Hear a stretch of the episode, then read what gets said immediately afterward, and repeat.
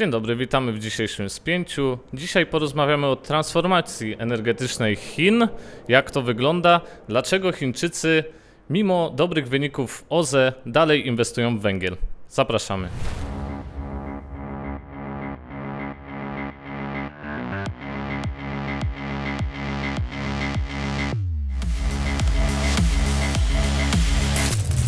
I znów ruszamy do Państwa z najnowszym odcinkiem spięcia biznesalert.pl. Jest ze mną Jacek Perzyński. Dzień dobry, cześć Jędrzej. Razem pracujemy w redakcji Biznes Alert i chcemy dzisiaj Państwu opowiedzieć o Chinach, tak jak powiedziałem we wstępie. E, okazuje się, że Chińczycy bardzo dobrze radzą sobie w odnawialnych źródłach energii, w rozwoju, w badaniach, ale mimo wszystko dalej opierają e, część swojego miksu na węglu. Jacku, jakbyśmy powiedzieli, bo my na co dzień dostajemy jakby dużą dawkę informacji o naszym regionie, o Europie, być może o Stanach, ale właśnie o tych Chinach. Jak wygląda transformacja energetyczna w Chinach? Więc tak, na wstępie tutaj y, należy przytoczyć dane Międzynarodowej Agencji Energii. W tym roku światowa moc wytwórcza e, fotowoltaicy wyniesie 344 gigawaty, a 154 e, gigawaty, czyli prawie połowa, przypadnie na Chiny. E, Natomiast do 2030 roku Chiny będą, e, na Chiny będą, przypadnie połowa e, wytwórczej mocy w energii wiatrowej. Czyli Chiny są światowym liderem w rozwoju odnawialnych źródłach energii. Jednak żaden inny kraj nie inwestuje tak dużo i tak aktywnie w brudne źródła energii jak Chiny. W zeszłym roku inwestycje w moce węglowe na świecie wyhamowały, wyniosły tylko 40, gi- 40 gigawatów, natomiast większość z nich przepadła na właśnie na państwo środka. E, Zaledwie tylko w pierwszym kwartale tego roku zatwierdzono więcej mocy węglowych niż w całym 2021 roku. Więc niestety Chiny węgla e, trzymają się mocno i wiele na to wskazuje, że e, transformacja energetyczna w Chinach przebiega dwuterowo, czyli inwestujemy w OZE, ale rozwijamy jednocześnie moce węglowe. I tutaj y, dobrym przykładem jest e, elektrownia Kubuci, Kubuci w Mongolii wewnętrznej. Dla tych, którzy nie wiedzą, Mongolia wewnętrzna jest regionem autonomicznym położonym właśnie pod Mongolią i ten region charakteryzuje się bardzo dużo, po prostu połaciami stepów, ale zarazem y, też ogromnymi pus- pustyniami. E, Region ten jest bardzo słabo rozwinięty, ale posiada bardzo dobre warunki pod, rozwo- e, pod rozwój odnawialnych źródeł energii. Fotowoltaiki Fotowoltaika i energia wiatrowa. I ta elekt- e, ten właściwie centrum odnawialnych źródeł energii, elektrownia Kubusi, będzie największym właśnie centrum OZE na świecie. Zostanie uruchomiona w 30 roku i łącznie będzie posiadać, uwaga, 16 gigawatów energii.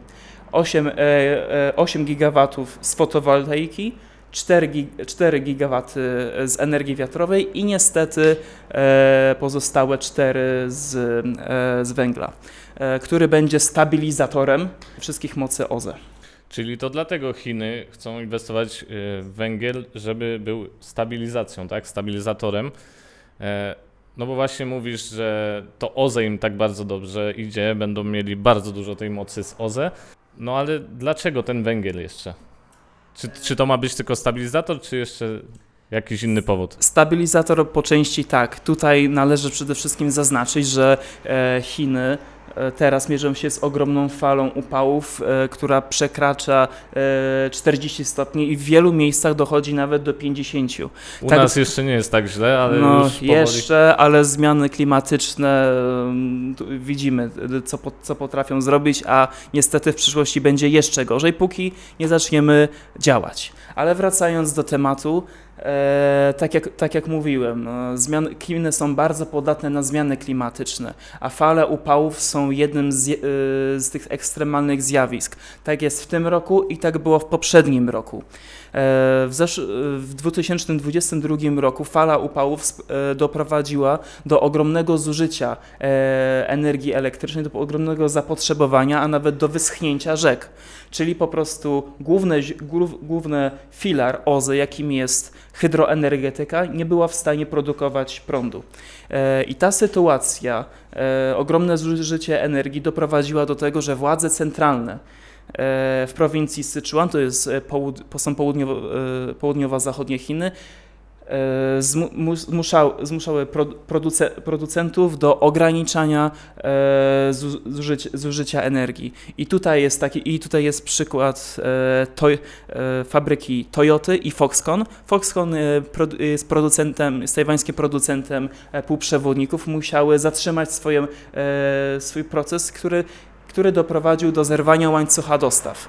I niestety ta sytuacja, e, czyli zmuszanie producentów do wstrzymania swoich działań, e, zmusiła ich do przeniesienia się do e, swoich fabryk do bardziej stabilniejszych krajów, czyli do krajów Azji Południowo, Południowo-Wschodniej. Także Chiny poprzez moce węglowe starają się, starają się załatać tą dziurę węglową, która powstaje teraz, która jest między, też między innymi powodem aktywnego uż, e, użycia klimatyzatorów. Dla nas klimatyzacja mimo wszystko nadal jest, nie, jest, nie jest tak popularna, natomiast e, w państwie środka jest to podstawowy, e, podstawowe źródło e, ciepła bez, bez i chłodu. nie da się żyć. Niestety tak i po prostu, a należy też pamiętać, że to urządzenie jest bardzo energochłonne i, pomyśl, i mając na uwadze, że w Chinach żyje miliard, mi- miliard 400 milionów ludzi i większość z nich ma klimatyzatory, to możemy sobie wyobrazić, jak potężne jest tam zużycie energetyczne. Także e, Chiny działają dwutorowo, inwestują w OZE i niestety węgiel i to niestety e, wydłuża proces rozwodu z węglem, ale nie oznacza zatrzymania rozwoju OZE w Chinach. Powiedziałeś o klimacie, więc chciałbym wspomnieć też o rzeczy związanej z klimatem, czyli emisjach, bo wiemy, że te stosunki Chin i Zachodu, szczególnie Chiny, na linii Chiny-USA są różne, e, są napięcia, ale mimo wszystko w kwestii emisji Chiny chcą współpracować e, z resztą świata i chcą ograniczać te emisje. Tak, przynajmniej tak deklarują. E, właśnie w tym tygodniu e, w, Pekin, e, w Pekinie złożył wizytę John Kerry, który jest specjalnym wysłannikiem Waszyngtonu do spraw klimatu, gdzie spotkał się ze swoim chińskim odpowiednikiem Xie Jinhua e, i rozmawiali na temat konieczności współpracy. Ob, e, zarówno Waszyngton i Pekin stoją na, stoją na stanowisku, że pomimo napięć geopolitycznych e, należy współpracować, a przynajmniej chociaż rozmawiać o konieczności zmniejszania emisji, e, przyspieszania transformacji energetycznej i inwestowaniu w OZE. E, Ale, ale jeszcze przed, wizy, przed wizytą Johna Kerry'ego e, w Chinach złożyli wizytę sekretarz stanu Antony Blinken i sekretarz skarbu Janet Yellen. Zachęcali Pekin, aby cały czas zmniejszał emisje, przestał, przestał tak mocno inwestować w węgiel, e, no i żeby ta, żeby ta kwestia zmian klimatu, transformacji energetycznej nie miała wpływu na ich stosunki polityczne, które są niestety teraz bardzo napięte.